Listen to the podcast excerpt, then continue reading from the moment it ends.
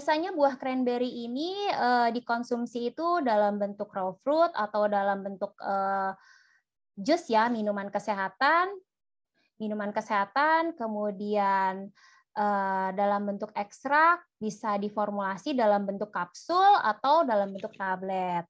Ada juga yang bikin uh, seperti ini ya, crackers gitu ya. Jadi jadi seperti banyak makanan-makanan biskuit-biskuit yang memang uh, ada tambahan uh, buah itu ya, buah ekstrak eh buah buah cranberry kering. Oke. Okay.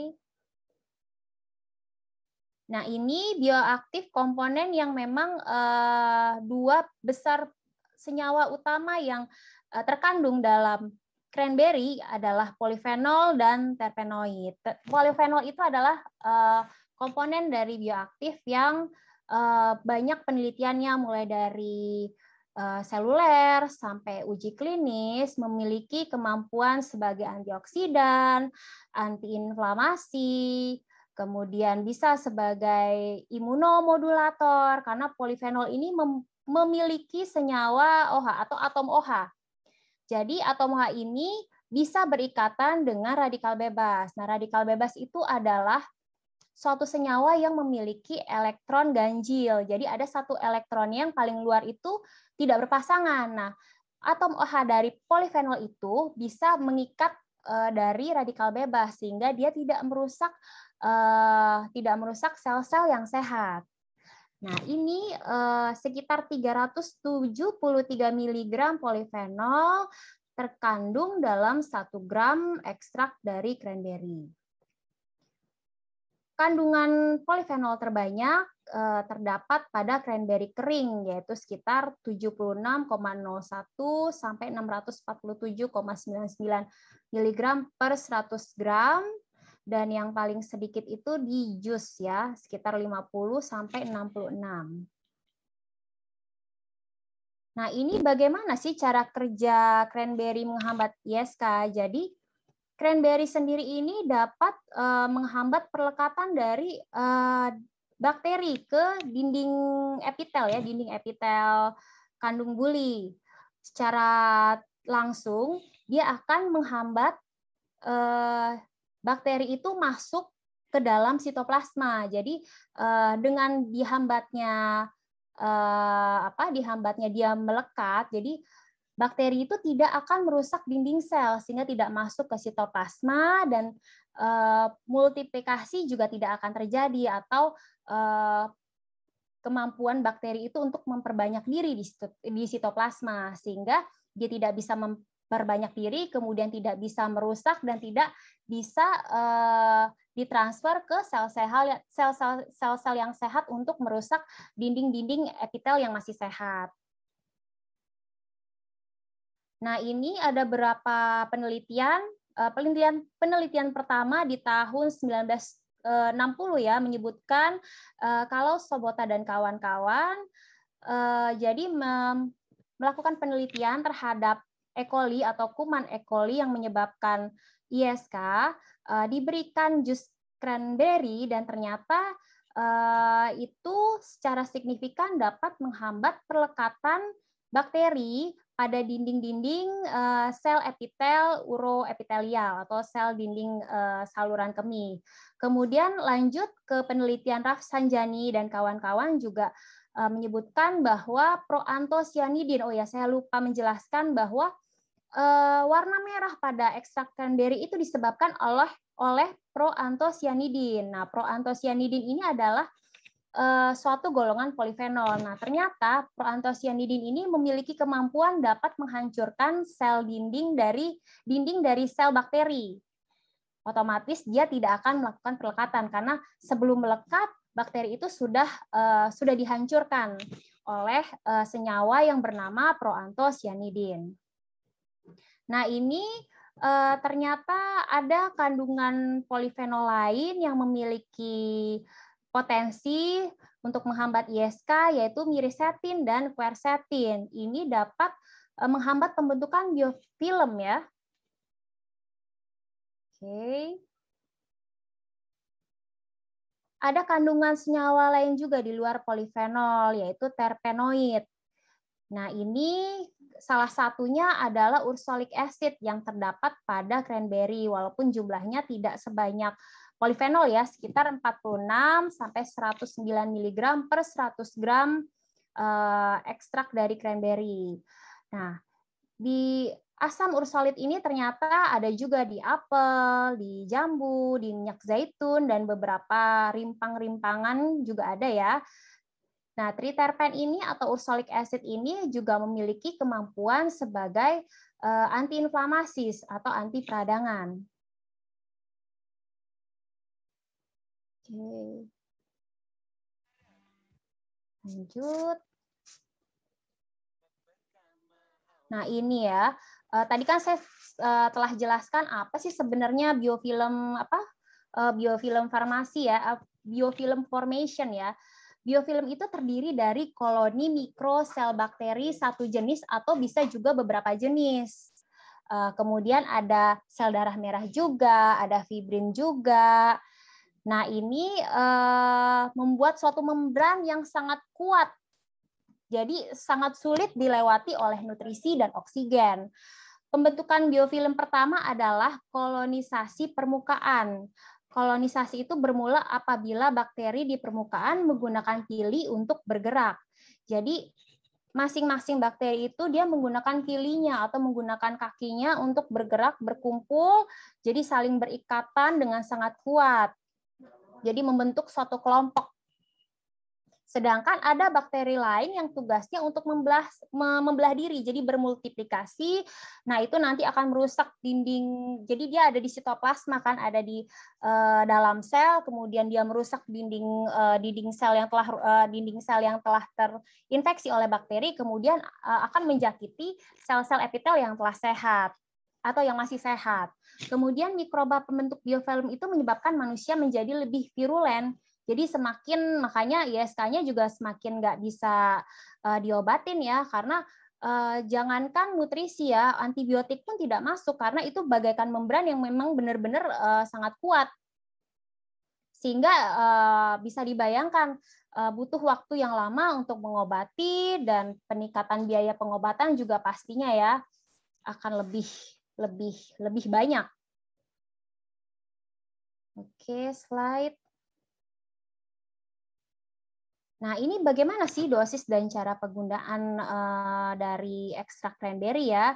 Uh, jadi ada penelitian uh, dengan randomized control trial uh, yang efektif untuk uh, mencegah terjadinya ISK bisa minum ekstrak cranberry uh, dengan dosis 300 sampai 400 mg dua kali sehari atau 250 ml jus cranberry itu bisa diminum tiga kali sehari. Nah, ini juga ada penelitian ternyata cranberry itu aman sekali untuk ibu-ibu hamil dan ibu menyusui. Nah, kira-kira kontraindikasi dan mungkin ada interaksi atau efek samping kita uh, minum cranberry ya. Jadi cranberry itu ternyata pada penelitian juga aman dan memang uh, sebagai uh, terapi herbal pilihan ya untuk mencegah infeksi saluran kemih dan tolerabilitasnya juga cukup baik dan kemudian uh, ini ada penelitian kalau uh, perlu diperhatikan ya jika penggunaan atau konsumsi cranberry uh, yang dikombinasikan dengan warfarin atau obat-obatan antikoagulan atau pengencer darah. Nah, ini juga ada uh, penelitian ya. Jadi ternyata ekstrak cranberry itu akan meningkatkan uh, penyerapan dari vitamin B12 jika ada eh, pasien-pasien yang mengkonsumsi obat-obatan mah golongan proton pump inhibitor. Kemudian juga ada eh, studi kecil ya. Eh, jadi ada beberapa pasien yang sensitif ternyata konsumsi dari cranberry itu akan meningkatkan formasi dari batu ginjal walaupun ini hanya baru studi kasus ya, baru studi kasus kecil. Nah, ini tips menjaga saluran kemih dari saya apa aja sih? Yang pertama adalah konsumsi air putih 2 liter per hari, kemudian jangan lupa imunisasi kanker serviks. Ternyata di sekolah-sekolah dasar ya di usia 11 sampai 12 tahun sekarang sudah mulai digiatkan untuk vaksin kandung apa eh, CA cervix, kemudian batasi makanan dan minuman yang mengiritasi kandung kemih seperti alkohol, kemudian minuman-minuman dengan gula tinggi, kemudian kita bisa perbanyak konsumsi herbal dan buah-buahan yang mengandung senyawa polifenol dan fenolik, hindari pemakaian panty liner saat keputihan. Nah, ini ternyata karena panty liners itu banyak eh, menampung eh, apa karena lembab ya, lembab jadi dapat uh, mengkolonisasi kuman tuh sehingga ISK-nya uh, tidak dapat uh, dipulih dengan optimal. Kemudian membersihkan organ intim dengan benar. Nah, ini yang paling penting ya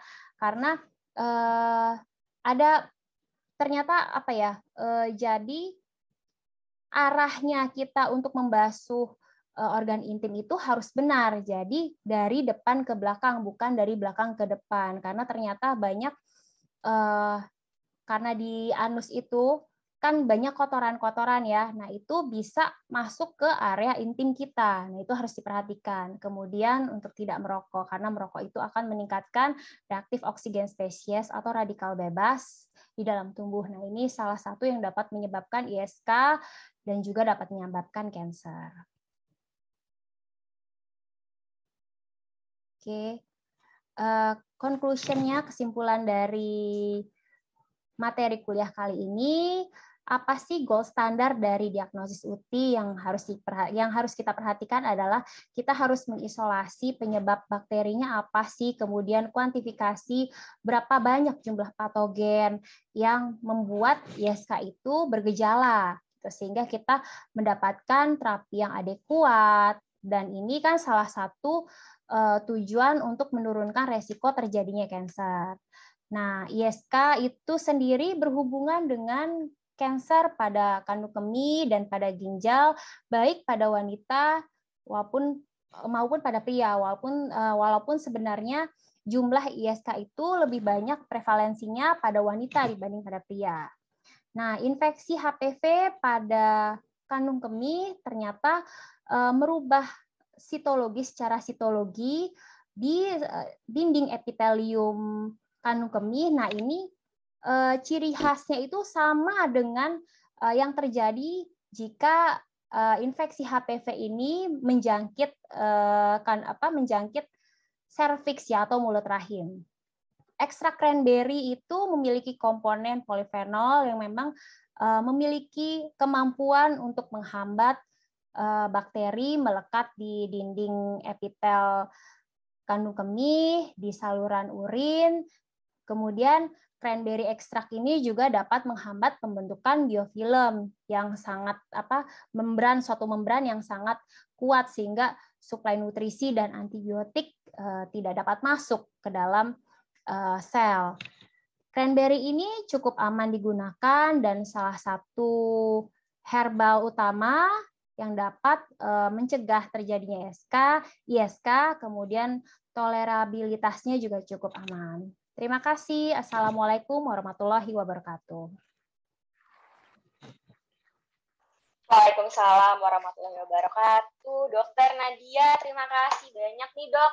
Uh, sekarang yang bergabung sama kita di kuliah siang ini ada hampir 100 orang nih dok. Sangat ya, excited sekali. Iya dokter, jadi materinya sangat-sangat jelas ya dok terkait dengan ISK, penyebabnya apa saja, terus faktor resikonya terjadi karena apa, gejalanya apa ya dok. Tadi ya dok kita ya sudah dibahas oleh dokter Nadia secara detail sekali. Terus terkait dengan bakteri menginfeksinya pun jadi kayak kebayang ya dok. Hmm. Oh ternyata kayak gitu dok. Yang mungkin sebelumnya belum pada tahu nih dok. Ya dokter. Oke bapak dan ibu uh, keluarga Uni Health uh, tadi sudah disampaikan sama dokter Nadia sampai ke solusi terapinya nih untuk ISK uh, pada pasien baik wanita maupun pada pria. Nah, kemudian tadi juga sudah disampaikan oleh Dokter Nadia, salah satunya adalah dengan pemberian ekstrak cranberry ya Bapak dan Ibu. Nah, di sini Bapak dan Ibu, uh, seperti biasa, kalau misalnya ada masalah terkait dengan uh, penyakit, Unihealth pasti selalu punya nih solusinya buat Bapak dan Ibu. Nah, untuk ISK ini kita punya produk yang keren banget nih, yang kandungannya adalah ekstrak cranberry. Di mana kita punya produk yaitu Uticare, Bapak dan Ibu.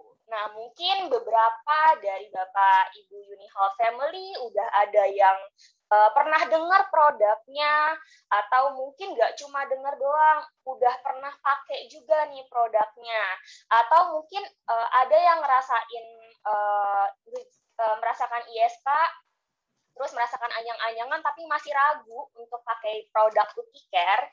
Nah, hari ini kita akan bakalan bahas nih Bapak dan Ibu terkait dengan produk Uticare.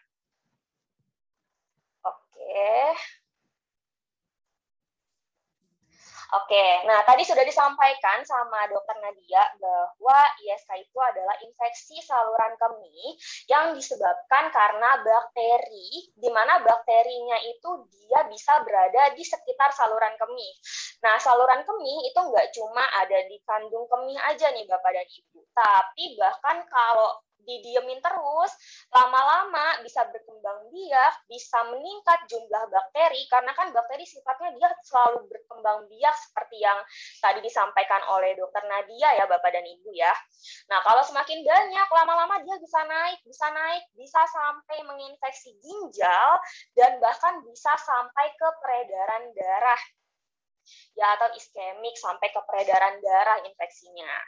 Nah, di sini juga ternyata eh, ISK itu adalah salah satu faktor resiko penyakit ginjal kronis dan punya resiko tiga kali lebih besar dibandingkan dengan yang nggak punya riwayat ISK.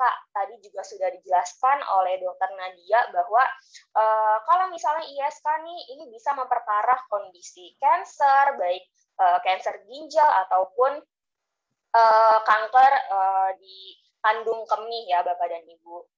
Nah, jadi uh, tadi yang seperti juga sudah disampaikan materinya oleh dokter Nadia bahwa ya kalau bisa sih kalau emang pengen buang air kecil jangan ditahan gitu ya dok ya.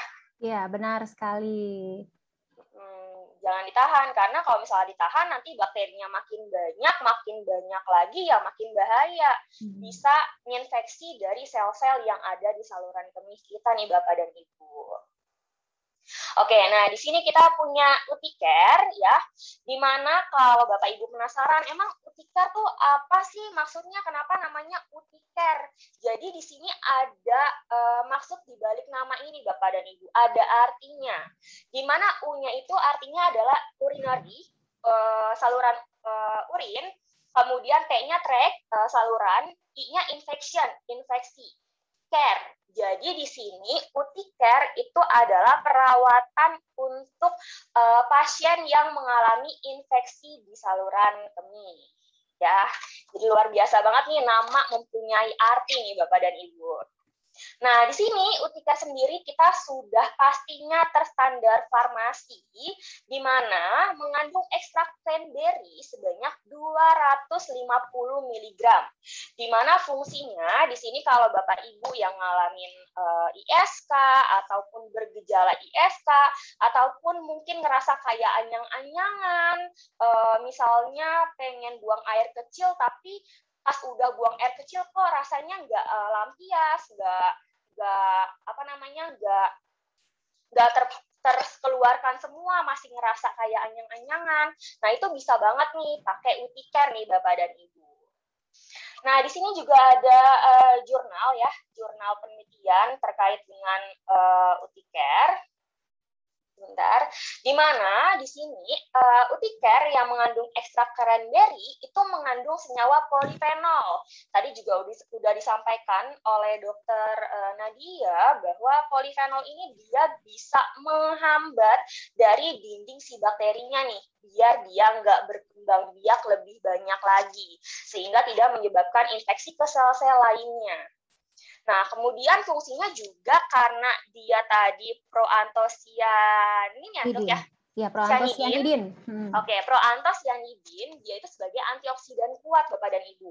Di mana antioksidan seperti yang mungkin Bapak Ibu juga udah sering banget nih dengar kuliah kita tentang antioksidan bahwa bisa menangkal yang namanya radikal bebas yang bisa menyebabkan berbagai macam penyakit pastinya dan memperparah dari berbagai macam penyakit. Nah, kemudian dan di sini ekstrak cranberry sendiri itu berpotensi bisa mencegah penyakit infeksi dengan tingkat toksisitas rendah. Dibandingkan mungkin kalau uh, penggunaan jangka panjang nih biasanya mungkin uh, pasiennya pakai obat jangka panjang obat-obat yang uh, berbahan kimia.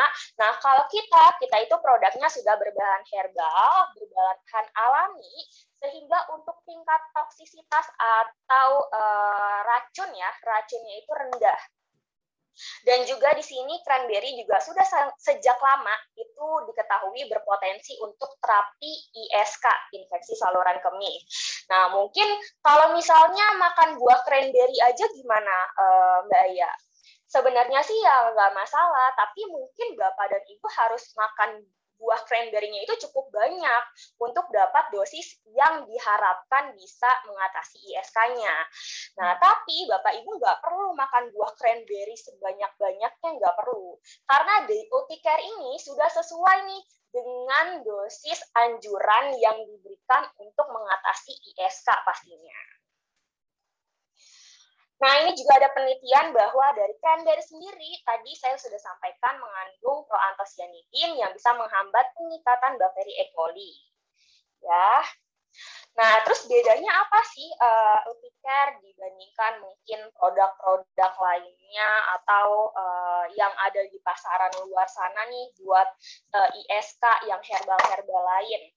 Nah, di sini Utikar sendiri itu 100% alami dari ekstrak murni buah cranberry, Bapak Ibu. Jadi 100% nih kita alami banget tanpa bahan-bahan uh, kimia lain nggak ada, kita alami. Nah, kemudian mengandung ekstrak terstandar dan teruji secara klinis. Jadi kita itu pastinya punya produk yang selalu terstandar nih ekstraknya.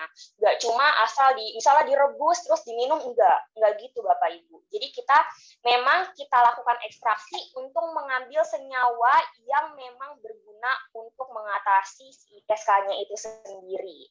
Yaitu tadi salah satunya adalah proantosianidin, terus uh, kandungan lainnya yang memang berfungsi untuk ISK dan juga sudah teruji secara klinis bisa memberikan uh, bisa membantu pasien-pasien ISK dalam uh, mengatasi mungkin gejala yang anyang-anyangan ataupun uh, nyeri, inflamasi karena kan pasti kalau ada luka di saluran kemih itu juga biasanya buang air kecilnya ngerasanya nyeri. Nah, di sini juga bisa nih diberikan dengan Uticare Bapak dan Ibu. Nah, kemudian untuk keamanannya sendiri dan mutu produk itu sudah terjamin nih Uticare dari Unihealth sesuai dengan CPOTB, yaitu cara pembuatan obat tradisional yang baik.